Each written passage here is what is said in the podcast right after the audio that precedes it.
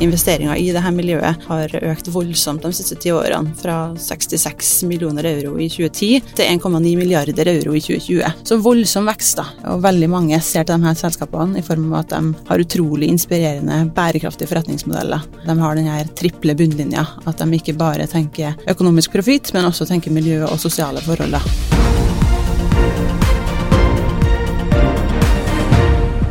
I dag har jeg besøk av Ida Marie Christensen, Head of Growth and Impact i Danske Bank. Ida har pulsen på innovasjon og bærekraft, og vi skal snakke om dette. Og det jeg ønsker å lære mer om i dag, er den grønne veksten, innsikter og utsikter til det nye arbeidslivet. Dessuten lurer jeg på hvordan de jobber i Danske Bank med å fremme innovasjon og arbeidsplasser. Vi sitter i hvert vårt studio i hver vår by, så velkommen til All In med Oslo Business Forum, i dag. Tusen takk. Hvordan har du det i Trondheim? Du, det har det helt topp eh, på kontoret, eh, og det er faktisk første gang siden april 2019. Så det begynner å bli en god stund siden en permisjon og mye hjemmekontor. Eh, men så det er veldig stas å være på kontoret igjen. Det er godt å se mennesker igjen, er det ikke det? ja, godt å se kollegaer. Det er mye som har skjedd siden sist. Det er godt å høre. Eh, du har jo vært med Oslo Business Forum helt tilbake til 2018, eh, tror jeg, med Startup Village. Og så skal du delta på Fireside Stage nå den 29.9. på Norges varemesse. Hva skal du snakke om der, Ida? Da skal jeg sammen med et investeringsselskap snakke om entreprenørskap. Hvorfor vi fokuserer på det, hvorfor vi mener at det er veldig viktig, og på en måte noe av de, de tiltakene vi har satt i gang de siste årene. Eh, og Vi skal jo snakke om dette, for jeg, du har jo som sagt jobbet med investeringer og entreprenørskap og startups i mange år. Og så har jo banken, Den danske bank jobbet med State of Nordic Impact Startups. Altså en kartlegging av nordiske bærekraftige oppstartsbedrifter i flere år. Og dere har en ny runde nå. Jeg leste vel at det var 1200 og et eller annet uh, selskaper som dere har kartlagt, stemmer det? Det stemmer, det har nesten dobla seg for hvert år vi har uh, kartlagt dette miljøet. Uh, som, som, du nevner så kartlegger jo rapporten strukturer og trender innenfor segmentet.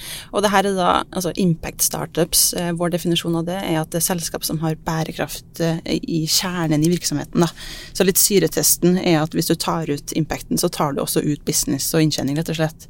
Så det er ikke et SAS-selskap som kutter CO2 på sida. Kjernen i det de gjør, handler om ett eller flere av FNs bærekraftsmål. Så de selskapene som vi kartlegger, og de som vi på en måte støtter, eh, de jobber konkret med bærekraftsmålene. Så det syns vi er kjempespennende. Så vi har gjort den rapporten her nå, det her er fjerde året vi gjør den. Eh, og i år så ser vi på 1250 selskap og 1300 finansieringsrunder, eh, og mye spennende funn. Eh, blant annet så ser vi jo at investeringer i dette miljøet har økt voldsomt de siste ti årene, fra 66 millioner euro i 2010 til 1,9 milliarder euro i 2020. Så voldsom vekst, da. Og veldig mange ser til de her selskapene i form av at de har utrolig inspirerende, bærekraftige forretningsmodeller.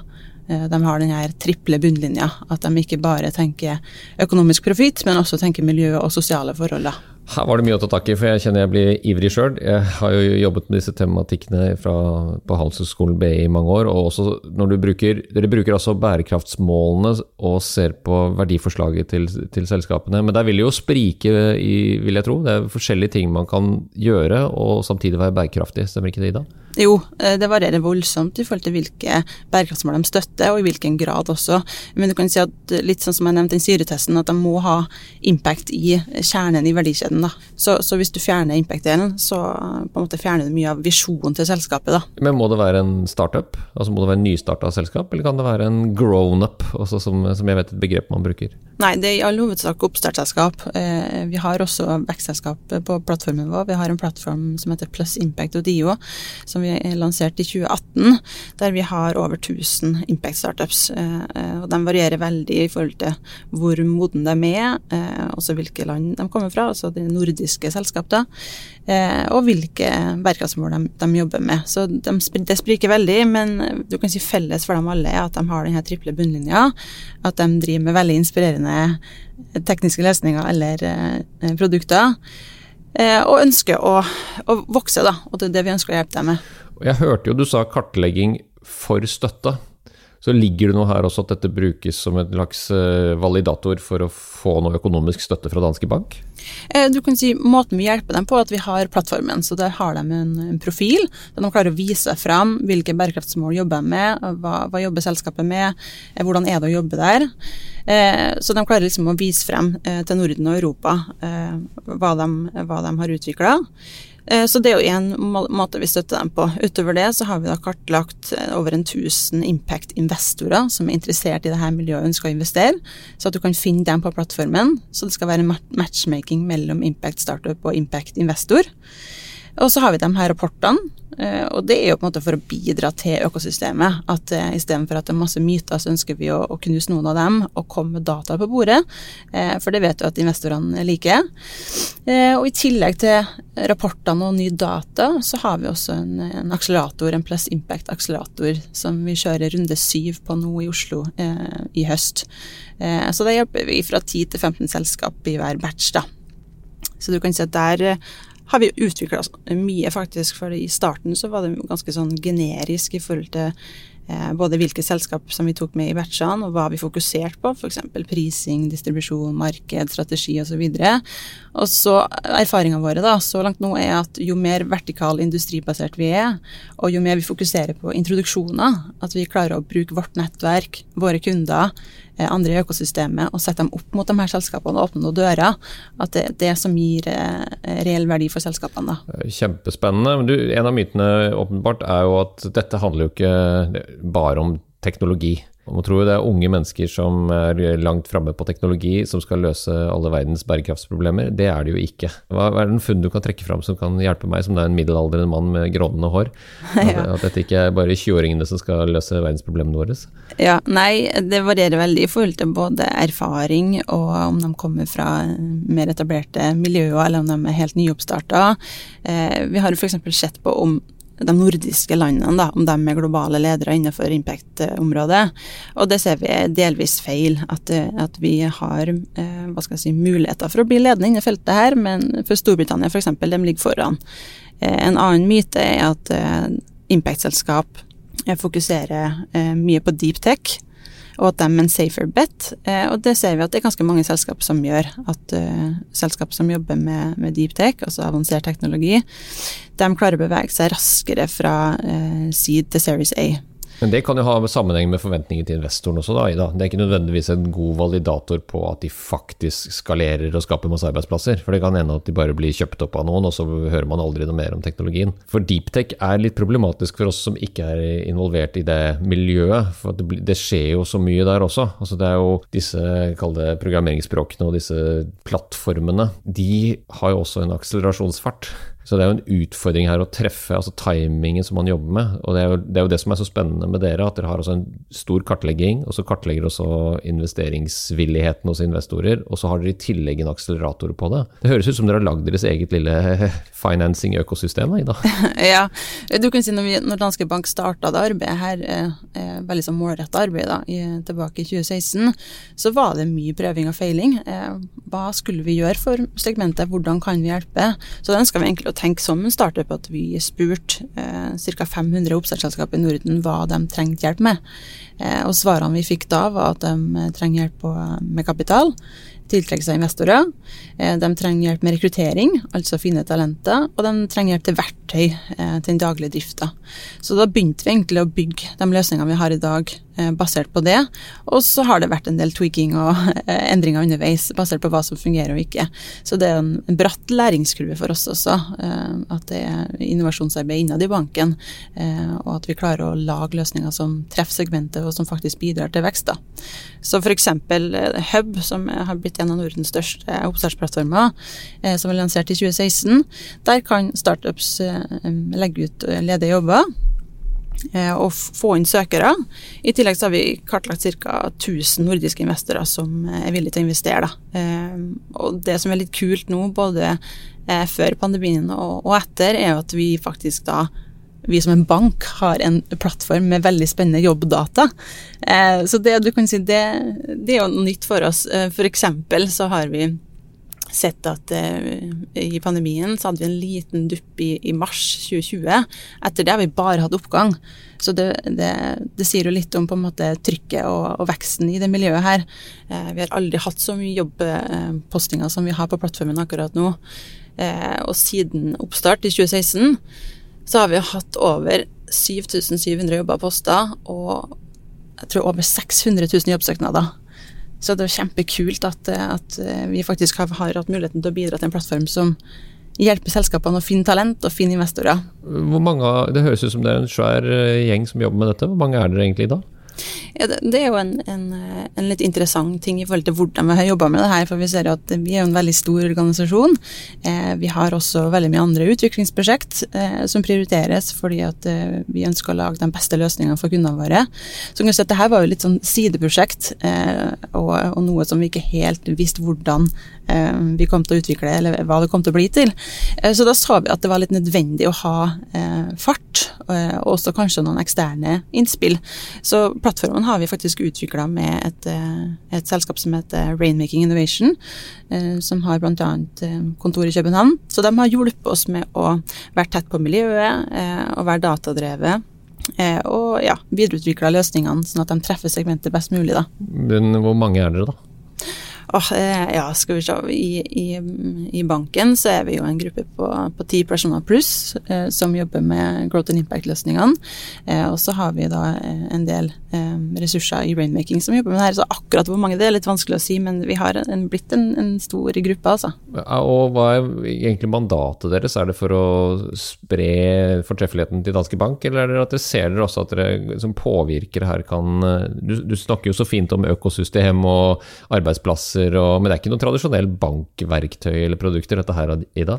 Nei, altså det var akkurat derfor det ble litt sånn utvikla litt på sida. Eh, at det her er et nytt felt for oss, eh, der vi har eh, jobba mye da med, med altså, vi som bankaktør, eh, som en stor nordisk aktør, hva er på en måte vår rolle? Og vi har nok utfordra den ganske mye, da. Eh, som jeg nevnte i stad, at vi har en rekrutteringsplattform. Eh, jeg tror ikke at man på, på tidlig 2000-tallet skulle tro det. det jeg syns det er fint det, akkurat at du avslutter med en rekrutteringsplattform. En ting du også nevnte her, at du har jo fått en del fakta ut av disse, denne kartleggingen. og jeg vet at du sitter på noen spennende funn. Er det noen funn du syns er spesielt verdt å merke seg av det som nå utvikler seg innen impact startup-miljøet? Ja, det, det, kan du si det er jo den enorme veksten innenfor uh, green growth, som vi kaller det. Altså grønne selskap. Uh, da ser vi at uh, Sverige da er foran oss på, på, mange områder, men at Norge f.eks. er stor i forhold til størrelsen på energi det er jo en, en, industri der vi på en måte har mye fra før. som Startupsen starter ikke fra scratch, og her skjer det veldig mye. Eh, da kan vi jo bare tenke på energiselskap eh, som f.eks. Tibber, som vi har på plattformen, og den enorme veksten de eh, viser. Og også de som utvikler eh, f.eks. Eh, elektriske batterier osv. Et interessant funn fra eh, rapporten nå i 2021 er jo at eh, venturekapital investerer mer og mer i grønne selskap. Der ser vi en sterk vekst, eh, faktisk så mye som togangen sammenlignet med 2019, og tolvgangen siden 2016. Så VSA-en blir nok mer og mer fokusert på, på bærekraftsområdet og spisser seg inn, inn mot den retningen, da. Og så har vi jo vel et, eh, jeg vet ikke om det er riktig å si det, men det er vel et, taktskifte i forhold til hvordan generasjoner ser på jobbmuligheter og vekstmuligheter i det som er sett på som bestående, altså eksisterende virksomheter kontra nye selskaper. Jeg har selv snakket med studenter i over 20 år og vet jo at eh, de er opptatt av andre ting nå enn det de var for 20 år siden. Har, har, ser du det også i tallene dine, Ida? Ja, det ser vi både i, i tall, men vi ser det også, også, vi ser det også i, i praksis ved f.eks. at vi holder eh, innlegg og foredrag på universitet. Eh, og Der eh, snakker vi med studentene, og de sier jo da at de eh, kanskje tidligere hadde tenkt at de skulle gå rett inn i consulting eller revisjon eller eh, lignende, eh, og nå ser de til oppstartsmiljøene. Så det er jo kjempespennende at, man, at oppstartsmiljøet i, i Norge og Norden faktisk da er så attraktivt at de kaprer studentene rett fra skolebenken. Eh, og Hub-plattformen vår den oppfordrer litt til, til deltidsarbeid og innenfor denne sfæren. At man trenger ikke vente til man er ferdigutdanna. Masse spennende både betalt og ubetalte internship eller deltidsstillinger på, på, plattformen for folk som er interessert og ønsker liksom å se om er det her noe for dem. da.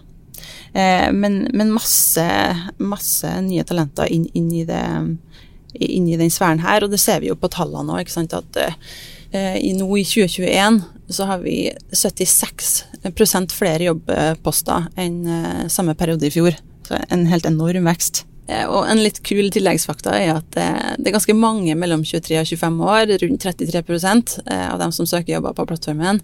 Ellers er det ganske jevnt distribuert, men vi har faktisk 10% også over 65 år.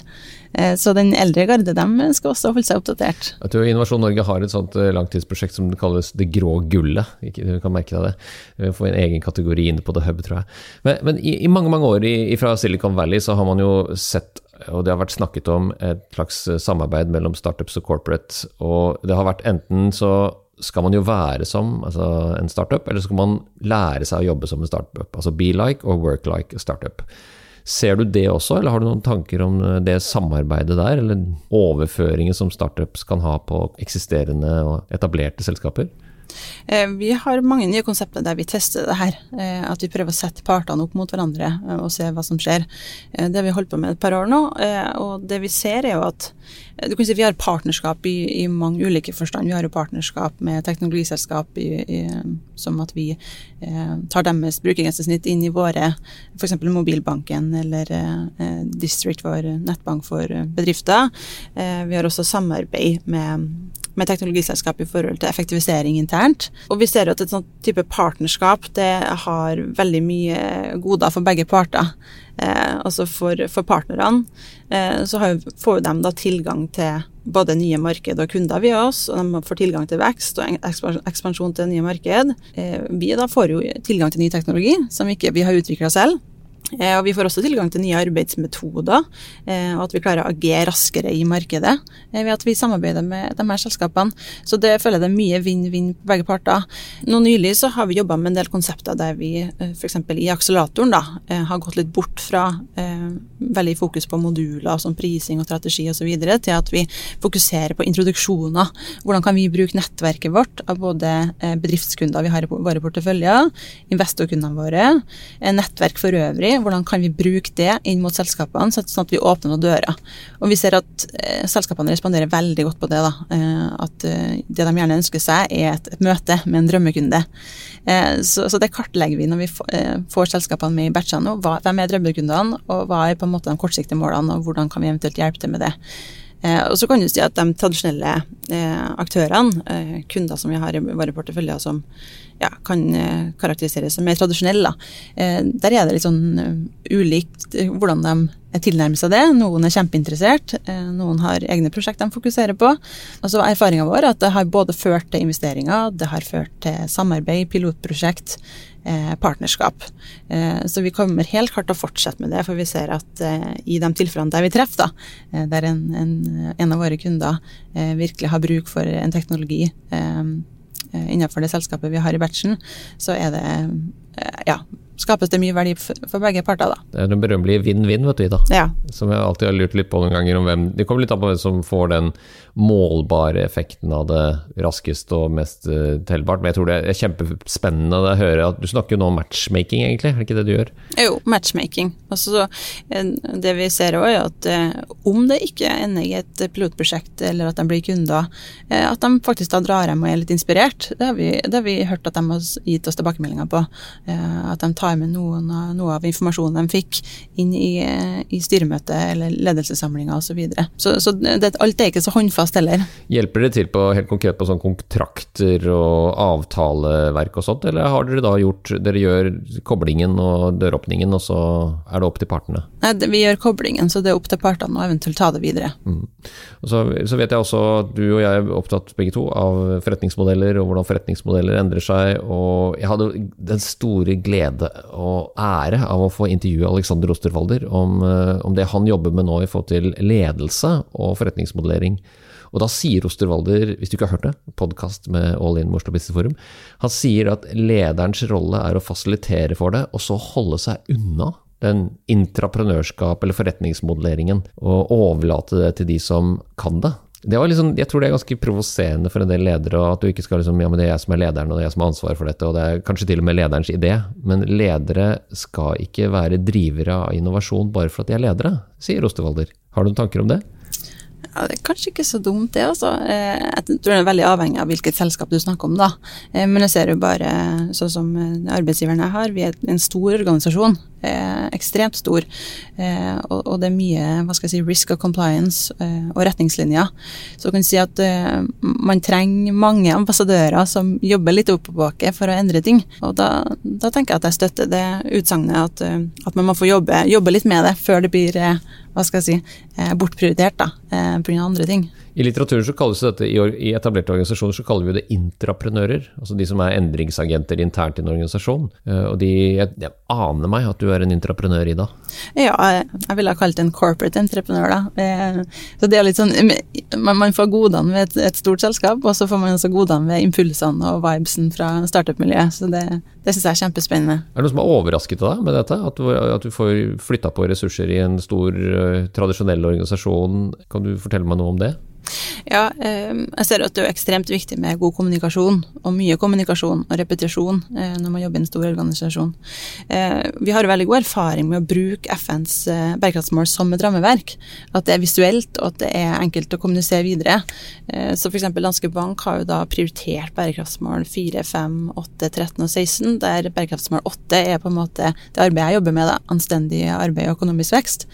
Så jeg ser at det er helt nødvendig på en måte å bruke alle kommunikasjonsflater da, eh, for å involvere partene og få dem interessert og få dem med på de eh, løsningene og konseptene vi utvikler. Og Er det enighet om dette? Men Du, du sier noe veldig klokt her, at det må, må repeteres og gjentas. Nathan Furr, som har vært en gjest på, hos Oslo Business Forum, han snakker om dette. altså hvor, tydelig, hvor, viktig det er å være en endringsagent internt i en organisasjon og klare å kommunisere. Har du bare Skjønner du dette og vet dette, eller har du lært deg det underveis? Jeg har nok lært det underveis, ja. Um, men det er jo ikke så vanskelig å forstå heller, eller å se for deg en rådgiver som har en portefølje med x antall bedrifter uh, som uh, hun eller han skal håndtere og, og løse behov. Så er det på en måte hovedprioriteten. Og så kommer jeg fra sida og ønsker at hun eller han skal bidra i et prosjekt og bruke tid og, og bruke energi, og at det er noe helt annet. Eh, litt bort fra de kopiene som hun eller han sitter med i det daglige. Så jeg har full forståelse for at eh, det ikke alltid er full entusiasme fra start, da, men det er akkurat da det gjelder å være god i kommunikasjon og eh, klare å kommunisere hvilken verdi det har for kundene. Mm. Og så har du vel kollegaer i Sverige og Danmark eh, og selvfølgelig også i Norge som du kan spare med underveis? Ja, helt klart. Vi ser veldig mye fordeler med å være et nordisk team. Eh, jeg jobber jo med kollegaer i Danmark, Sverige, Finland eh, og i Norge. Og vi samarbeider veldig tett og har uh, møter så å si daglig i forhold til å både videreutvikle og forbedre de tjenestene og løsningene vi har. Så da ser vi ofte at det er veldig hensiktsmessig at vi har prøvd ut noe i f.eks. Finland, og så ser vi at det fungerer, fungerer og så uh, ja, uh, lanserer vi det også i andre markedene. Så sånn har vi jobba mye, da. at vi tester konsept og løsninger, og, og deretter ekspanderer, da. Og så ser vi også at selv om det er ulikheter, så er det også masse likheter i markedene. Så vi klarer liksom å, å ja, dele erfaringer som er til nytte for hverandre. Da. Det er noen av aktørene fra banksiden og fra venturesiden selvfølgelig som tar eierskap, altså equity, i, når de kjører, særlig i akseleratorprogrammene. Nå er jeg, ikke, jeg er ikke kjent med Danske Bank sitt. Gjør dere det? Tar dere eierskap i pilotene? Vi gjør ikke det. Eh, de akseleratorene som vi har per nå, de eh, får selskapene være med kostnadsfritt. Men det skal sies at Danske Bank investerer i selskap som investerer igjen i startups, eh, men vi tar ikke noe equity i de batchene som vi kjører. Det gjør vi ikke. Du kan si at det å samarbeide med, med startup-miljøet det gir oss veldig mye på forskjellige plan. Eh, det gir utrolig mye entusiasme og inspirasjon, eh, som vi også har tatt med oss internt. Vi har faktisk vært flinke på å invitere selskapene inn til oss, enten om det er interne eh, foredrag vi har, eller inn i ulike faggrupper, at vi lærer av dem. Det har vi gjort, og det skal vi være flinkere til å gjøre enda mer av òg. At vi deler kompetanse og, deler mer innsikt i hvordan vi jobber på, hver kant. Eh, utover det så gir det oss mye i form av at vi kan vi spenner teknologi til våre mer tradisjonelle kunder, og også investorporteføljen vår. Eh, og så gir det oss mye på, på, samfunnsfronten at vi har muligheten til å støtte virksomheter som faktisk da skaper nye arbeidsplasser, eh, som er jobbskaperne. Vi syns det er kjempeviktig, eh, og da de spesielt impact startup som går løs på globale utfordringer som, vi, som er helt essensielt at man finner gode løsninger på. Så vi, vi syns det er veldig meningsfylt at vi selv om det er pro bono, klarer å hjelpe de her selskapene å vokse. Du som sitter så tett på denne her endringen nå, og, og, har fulgt med i, i, flere år, både fra investorsiden, fra startup-siden, men også egentlig den der koblingen med å matchmake disse. Har du noe råd til ledere eller eiere som, som fortsatt syns det er trøblete å komme i gang med å se på bærekraft og se på nye måter å jobbe på, få innspill til forretningsmodeller? Hva, hvordan skal de komme i gang? Hva, hva, hva vil du si til de? Eh, jeg hadde nok villet starte med at man får kompetanse inn i selskapet hvis man ikke har det. Eh, det er selvfølgelig litt avhengig av situasjonen til selskapet om man har muligheten til å rekruttere den kompetansen, eh, men både teknologikompetanse og også kompetanse innenfor bærekraft.